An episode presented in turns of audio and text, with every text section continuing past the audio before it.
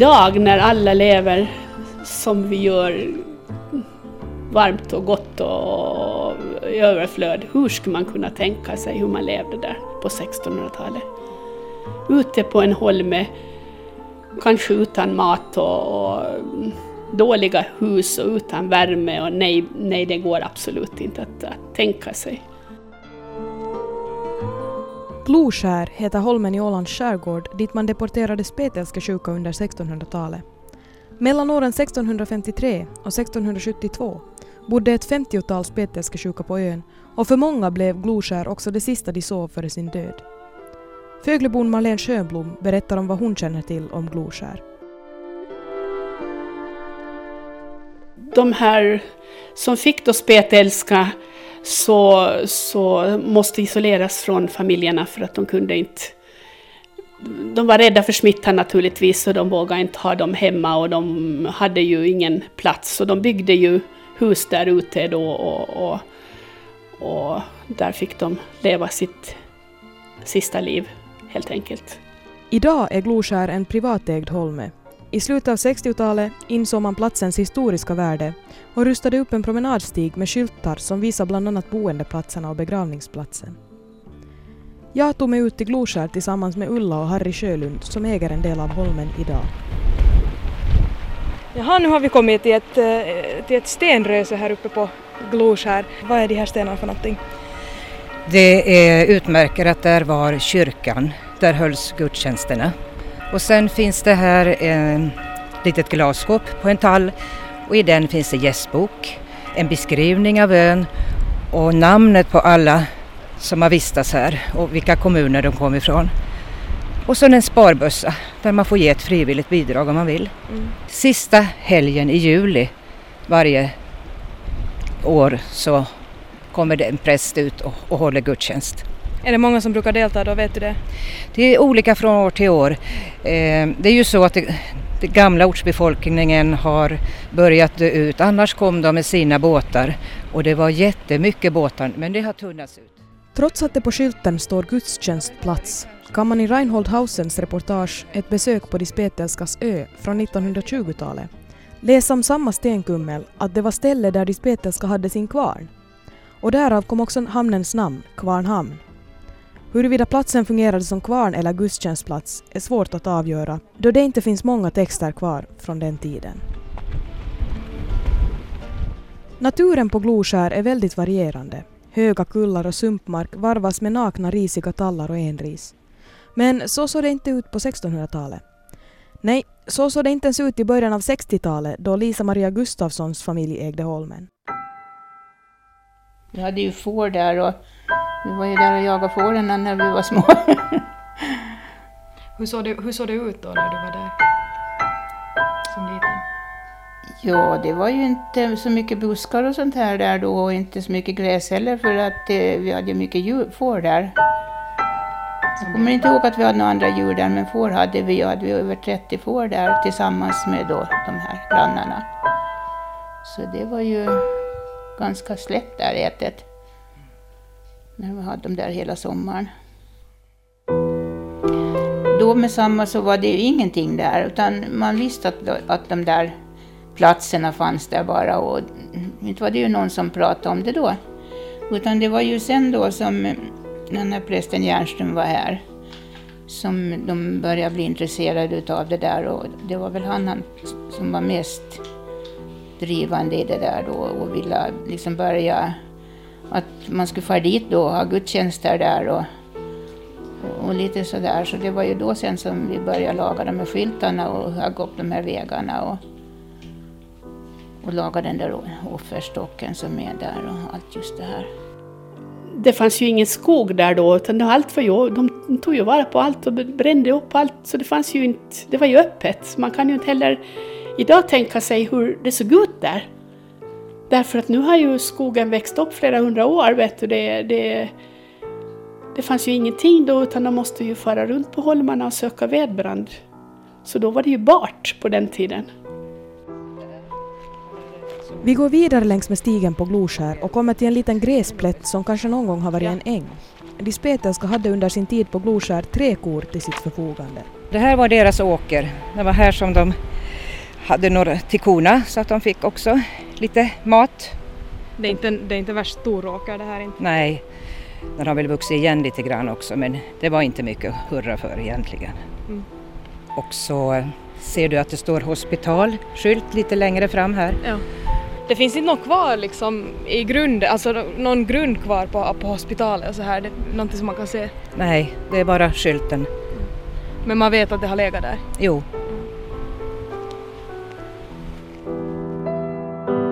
Kort efter att de spetälskesjuka flyttat ut i skäret fastställde generalguvernör Per Brahe ett reglemente för hospitalet. Där står bland annat att de sjuka, då de anlände, skulle ha med sig kokkärl samt säng och gångkläder. Marlene Sjöblom berättar mer om vad man skulle ha med sig. Ja, man fick ju ha det, man så, sånt som man behöver, personliga ägodelar naturligtvis. Och, och sen eh, skulle de ju ha kistbrädor med sig ut. För att de kom ju inte därifrån. Och de fick ju inte ha kontakt med familj och släkt och, och, och någon, inte med några andra människor alls. Det var ju sen en, en präst som bodde där ute och det var ju han som, som var liksom för, föreståndare för det där då och såg till att de inte gjorde någonting speciellt. De hade en flat sten i Skogboda på vägen ner till sjön då, där de, där de eh, hämtade sina mjölkkannor och dit folk gick och tömde mjölk åt dem och då sprang de till skogs under tiden. Liksom. De fick inte ha kontakt med någon. Eh, det där var ett hus som är byggt precis ovanpå den där stenen och husgru eller spisgrunden är byggd på, på den där flata stenen. Så att den, den går ju inte att se numera, men jag sa att det var en historisk plattform till att bygga en spis på. Verkligen. De hade en båt och då rodde de till, till stranden då, så fick de gå på och sätta, där fick de mat också då naturligtvis. Varje kommun som hade en, en eh, person då, en sjuk person på Holmen, så skulle ju hålla dem med mat. Och det var väl si och så med det om man tänker den tiden till ta sig från hela Åland liksom hit till, till skärgården, ut till en holme med mat. Det var väl inte så himla lätt. Så förmodligen så bytte de eh, mat också på, det där, på den där stenen och inte bara mjölk då från byn. För att det var väl eh, ont om mat, det är ju en, en bergig holme och det fanns väl inte så hemskt mycket foder där. De hade visserligen ganska många holmar runt omkring som de fick ta vedbrand ifrån och, och, och kanske mat åt djuren också, men att huruvida de klarar sig sen där ute så det vet man ju inte. De som var orka så fatt väl antagligen de som var dåliga. Och de som var lite friskare då så sköt väl det här med djuren och, och elda och laga mat. Och...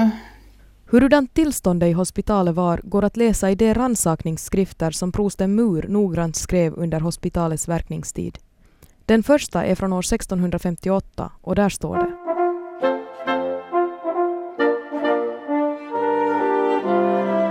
Uti gudstjänsten finns ingen brist. De eländiga begära dock linnekläder och strumpor. De eländiga stugor falla omkull genom trytande på åsar. Under en senare rannsakning år 1660 antecknades bland annat följande punkt. De eländiga begär att få åtnjuta sin båt för att hämta åt sig enbuskar och lägga nät för sik och flundra. De lovar att inte missbruka båten och gör de det tas båten ifrån dem. Detta är blott till skada för dem själva då de är vana vid att äta färsk fisk och inte bara torr mat. Om någon påträffar dem på andras eller sin egen holme eller i fiskevatten som inte tillhör dem får de fritt skjuta ihjäl dem.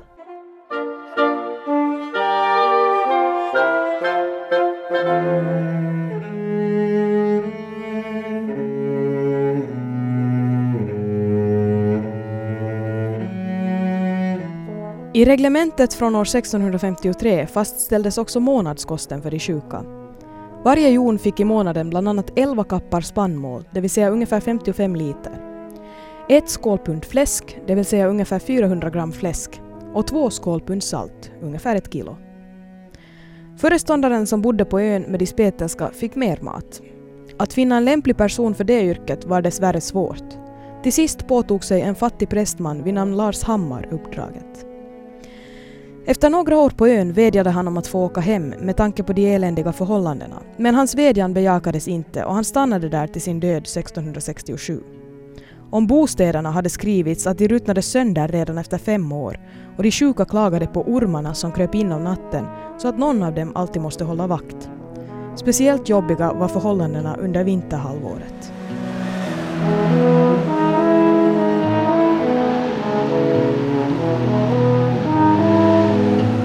De fick ju, skulle ju få kläder från sina familjer naturligtvis. De måste väl hjälpt dem på något sätt, men de tog väl med sig det de kunde använda och säkert var det ganska dåligt. Det kan man ju tänka sig. De hade nog inte varma overaller de och sånt där som vi har på vintern. Inte. Och varma stövlar inte. Jag misstänker att det var ganska eländigt. Men det går ju inte att föreställa sig. Hospital, det kallades för hospital men inte, inte, det var ju två bo, boställen det. Eh, två boningshus och förmodligen var det ett för män och ett för kvinnor och sen var det en präst som höll lite själavård. Inte hade de någon, någon sjukvård av något slag. Tiden var väl sån. Vem skulle vara där och sköta dem? Och ett hospital, eh, det kallades väl för det för att det var sjuka människor där men inte, inte, inte hade de ju någon personlig vård av något slag. Det fanns ingen hjälp att få om man var drabbad. Docent Sven Öman har själv arbetat med spetälskesjuka i Mellanöstern och han förklarar vad sjukdomen egentligen innebär. Ja, det är en, en, eh, en orsakad av bacill, alltså en, en bacill som egentligen ganska mycket liknar eh, tuberkulosbacillen, både till utseendet och lite grann också till hur, hur kroppen reagerar på den. Den är alltså svår att bli av med för kroppen.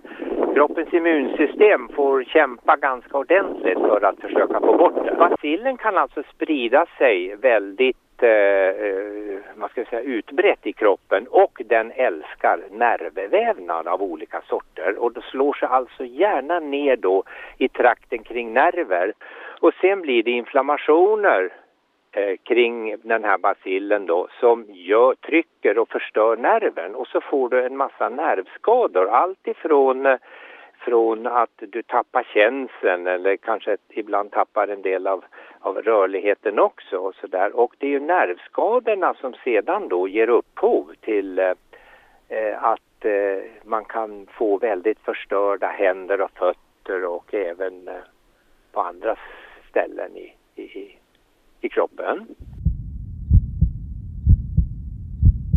det blir skador som man, man, man blir okänslig och, och då kan man ju törna emot kraftigare och säkert det är andra funktioner hos nerven som bidrar till att vävnaderna förstörs.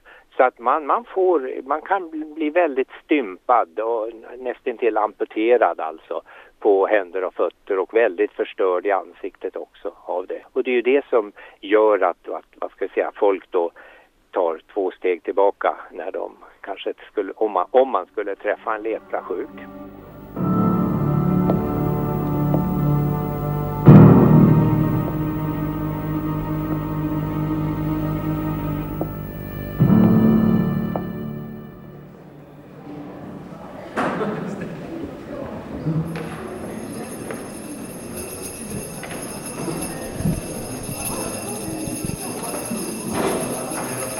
Så här kunde det låta på en marknad under 1600-talet. De spetälska utrustades nämligen med bjällror för att varna de andra då de kom nära. Att 1600-talet var spetälskans, eller lepran som den också kallas, guldålder är det ingen fråga om. Men ännu idag räknar man med att det finns cirka 10 miljoner fall av spetälska ute i världen. Vi fick ju eh, effektiva medel mot spetälska när vi började få sulfapreparat och antibiotika och sådär från, vad ska vi säga, 1940-50-talet och framåt. Och det har naturligtvis betytt jättemycket för att behandla den och få bort smittbärarna och hindra spridningen. Så det är naturligtvis det väsentligaste. Men annars kan man ju alltid undra vilka var det som fick spetälska förr i tiden då? Och det var väl ett att man måste ha någon i sin omgivning då som hade bacillen och hade den i en smittsam form. För det finns lite olika former och en del kan vara ganska smittsamma och fick man då i sig stora doser då var ju risken väldigt stor att kroppen inte kunde ta hand om det. Eh, och eh, eh, om man då eh, jag skulle tänka mig att sådana faktorer som om man är lite, lite lätt undernärd, inte får all den mat som man skulle behöva och sådär. Eh, fattigt folk förr i tiden och så lite trångbodda och så, att sådana saker säkert bidrog till detta. Spetälskan smittar vid utandning av basiller och var bland annat därför så fruktad under medeltiden. Jag har ju sett Eh, om man bara har gjort ett utstryk och tittat i mikroskopet och man har tagit det från näsan, näslemhinnan och tittat och sett att det är alldeles fullt med bakterier. Det ser ut som ett fiskstim alltså. Då kan man ju förstå vad, vad innebär en nysning av den personen. Eller om, om han får det på händerna och sådär eller tar på någonting som du sedan får i dig. Idag finns det både moderna metoder att undersöka spetälskan med och botemedel mot den. Men jag frågar mig hur man kunde veta att någon var spetälskesjuk under 1600-talet. Och alla jag talar med bekräftar mina farhågor. Jag tror inte att de visste med säkerhet. Utan det var, de hade ju visitationer på kyrkbacken och de blev anmälda antagligen om de hade några speciella sår eller någonting som inte läkte. Och, och de kunde faktiskt skickas ut dit utan att, att de hade spetälska det blev ju så, de hade ju, det var prästen som, som eh, visiterade på kyrkbacken. Och det var någon som anmälde dem att de hade något som inte var, stod rätt till. Så det var ju ganska hemskt egentligen att de blev på det sättet utskickade dit för kanske de inte alla hade spetälska, men de fick väl då om de var tillsammans eh, förstås, det smittar ju det där, smittar ju otroligt. Och det var ju därför de isolerade dem. För det berättas ju om en eh, ifrån Frise som eh, ju hade bara ett munsår. Och så tog de upp det där liksom till diskussion och så kom de på det att hon kanske hade spetälska och så förde de dit henne bara. Sådär bara? Ja, inte var det ju något kunnande om spetälska på den tiden. Om smittorisker och sånt här inte. Om någon misstänktes lida av spetälska uppmanades han eller hon att infinna sig på kyrkvallen för att besiktigas av socknens pastor eller länsman och andra synesmän. Från Bötius Murenius visitation i Fögle år 1648 finns sålunda antecknat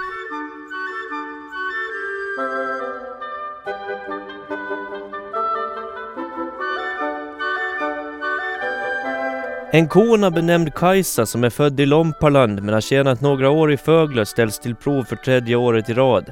Hennes ansikte förvärras och kroppen fjällas.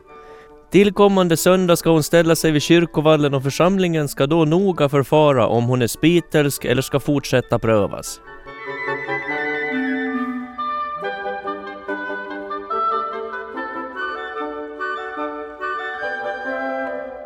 Kajsa var enligt församlingens mening inte spetälsk då hon två år senare ställdes till prov på nytt. Innan Gloskärs hospital inrättades hade de spetälska bara förbud från att röra sig bland andra. De måste bo avsides och fick inte komma närmare gårdarna än grinden. De hade tillstånd att delta i gudstjänsten men fick inte blanda sig med allmänheten då heller. Det finns ju en hudsjukdom som heter psoriasis som är ganska vanlig och det var lite trist för att förr i tiden, alltså en del av de som hade psoriasis, den såg ut för ett otränat öga ungefär som spetälska. Utseendet, såna här ringformade förändringar på och en, en, del av de här psoriasissjuka blev säkert utstötta på helt felaktiga grunder. Man kunde alltså inte med säkerhet veta att det som skickades till Gloskär verkligen hade spetälska. I en dokumentär om Skele hospital i Nagu berättas till exempel om en ung kvinna som deporterades som 20-åring och stannade på ön i 50 år utan att smittas. En av orsakerna till det här var som sagt okunskap om sjukdomen. Men också Bibeln spelade en viktig roll. Vi läser i tredje Mosebokens trettonde kapitel. Och Herren talade till Mose och Aron och sade När någon på sin kroppshud får en upphöjning eller ett utslag eller en ljus fläck och därav uppstår ett spetelskeartat ont på hans kroppshud så skall han föras till prästen Aron eller till en av hans söner, prästerna.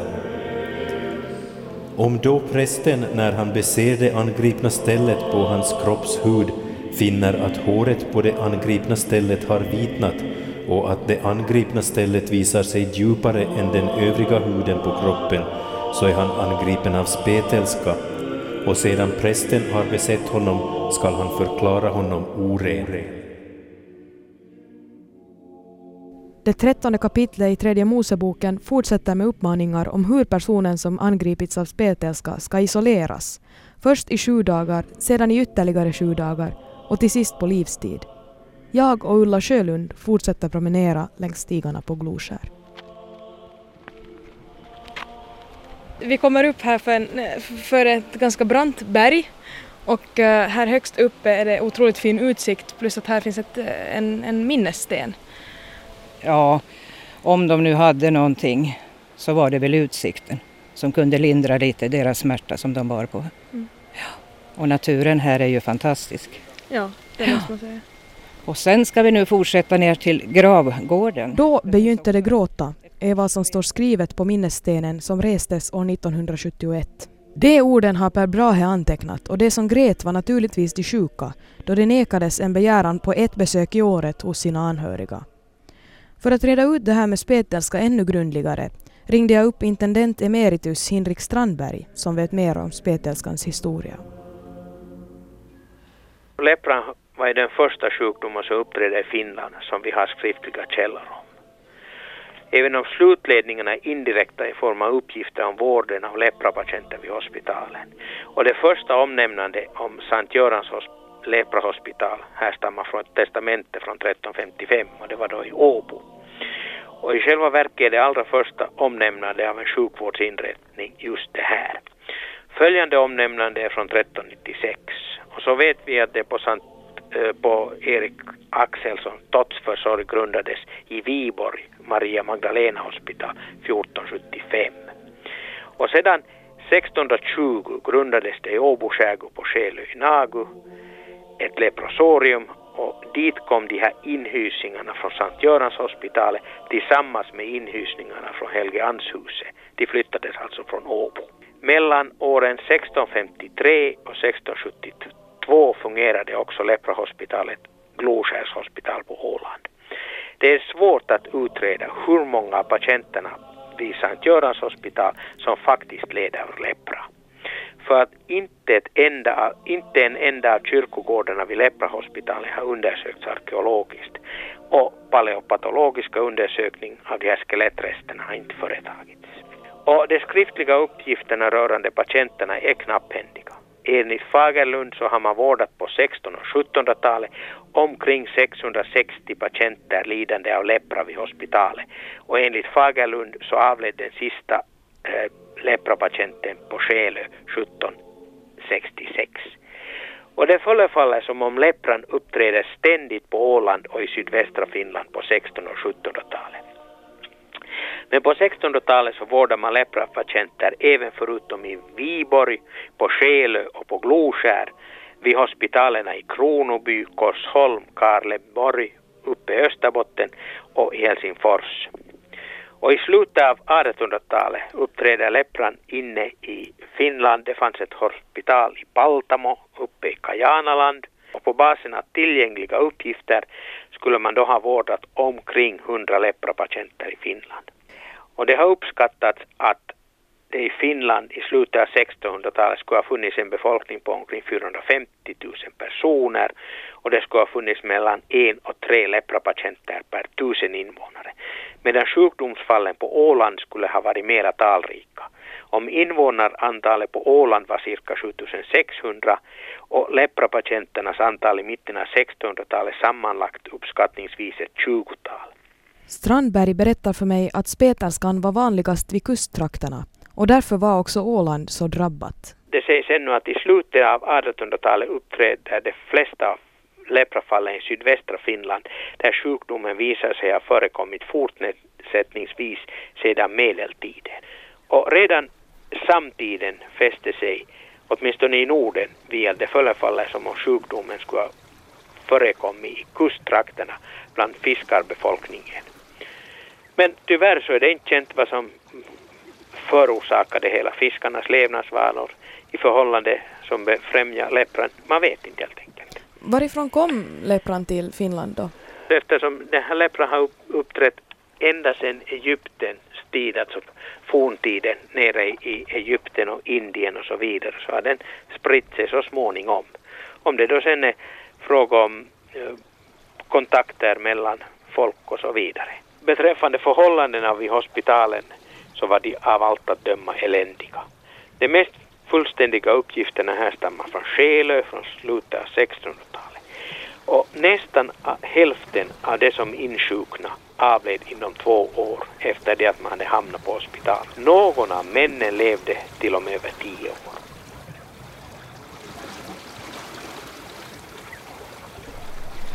Mm.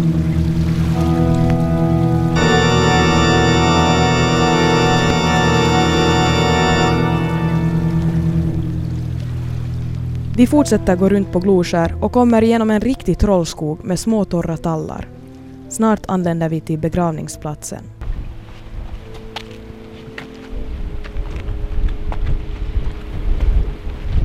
Det här är inte en väldigt stor begravningsplats, men man ser, man ser stenrester kvar ännu av det, där som gränsen har gått kan jag, kan jag tänka mig. Jo, det var inte, de ville ju utöka den här gravgården men det fick de inte göra. Kanske av okunnighet, sjukdomens art. Så så blev det. Vet du själv ungefär hur många som ligger begravda här? Jag skulle kunna tänka mig att runt 20 kanske. Mm, precis. För de som, sen upphörde ju det här på Gloskär och de kom ju till fastlandet. Till Skele i Nago ja. Och då fick ju de som levde då vara kvar följa med dit så att... Mm. Precis. Och det här korset som finns här, det är rest i efterhand? Det är rest i efterhand, men det har stått ganska länge. För att det tog ju ganska lång tid innan det här rustades upp. Stigarna utmättes och så är det.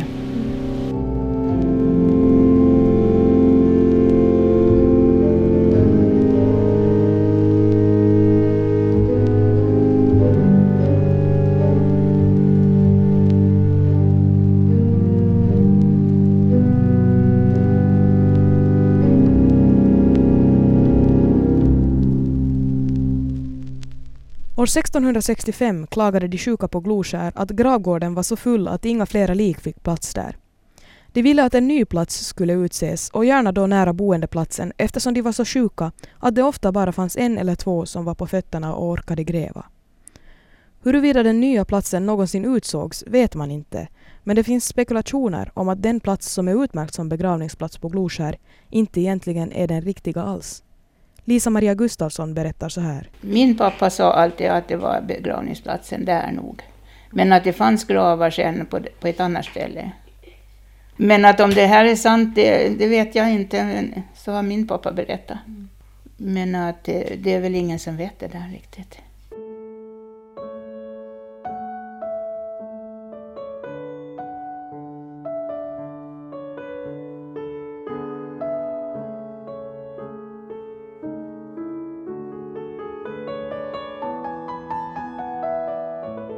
De som dog på Gloskär dog för att det inte fanns möjlighet till vård. Idag finns spetälskan i länderna runt ekvatorn och i u-länder där näringstillståndet är dåligt. Men numera försvinner spetälskan med antibiotika och det är inte så värst svårt att få bukt med den. Docent Sven Öhman berättar om sina upplevelser. Man är ju ändå bra på att diagnostisera den och vilket stadium det är och sedan behandling och att man motiverar, det är viktigt att man motiverar patienten för väldigt långvarig behandling. För den behövs långvarig behandling för att de ska bli bra. Så det var min erfarenhet när jag hade sådana här patienter att en väl så viktig del var, det var ta dem på återbesök, se till att motivera dem för att fortsätta behandling även om inte resultaten av behandlingen var så snabba. För Precis. många ville ha en snabb effekt. Va? Men den kommer inte snabbt. Men då ska man lik förbaskat fortsätta att eh, ta behandling för den funkar i långa loppet. Man kan inte reparera de skador som redan är men du kan förhindra att den fortsätter att försämra.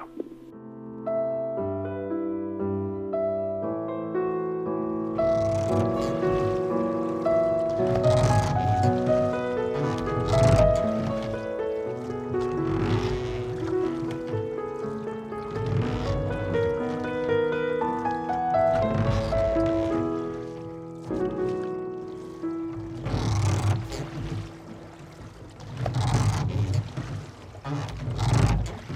Under högsommaren år 1672 skickades alla de överlevande patienterna från Gloskär till Skelö i Nagu, där de fick spendera sina sista dagar.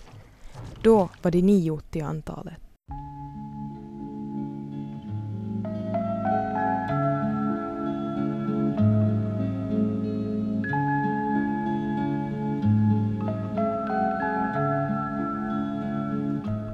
År 1653, den 15 maj, Hammarö Spittersk piga, uti Oluf Persson i Bredsbulsta. 1653 den 17 maj, Jomala. Hustru Karin i Sviby är misstänkt för spittelska. Befalltes Kristi himmelfärdsdag låta bestiga sig och taga församlingens dom. 1653 den 18 maj i Lemeland med kapellet. Spittelska, Erik i Norrboda, skall avföras. Hustru Kirstin i Söderby väja det som står i stol före är befallt att kyrkoherden med kyrkorådet skall stämma dem till förhör som skyföre. 1653, den 1 april, Sund. Spittelska Anna i Månsteka och Simon till prov. 1654, den 7 mars, Hammarland. Spittelsk piga, hustru till prov. 1654, 9 mars, Lemmeland. Hustru Kirstin i Söderby befalldes församlingen besikta och sätta till prov om det fasar för henne. 1654, den 10 mars, Sund. Spittelska i Månsteka. Simon står än i prov. 1654, den 19 augusti, i Lomparland. Den spittelska Eriks hustru har burit sin salimans kläder ner till sjön. Efter hon icke kom till städes blev givet order om kläder och hus. 1655, den 13 mars, i Lemeland. Hustrun Kirstin i Söderby är dömd spittelsk 1654. Blev sagt att var sex man upptager bröd och soffel till en månadskost och hon avfördes efter åtta dagar till hospitalet och har med sig koppetil, Rickes halvtunna, säng och gångkläder, yxa och sitt. 1655, den 16 mars, Hammarby. Spittelska hustrur, två dömda, vilka skulle avföras strax, orden gives av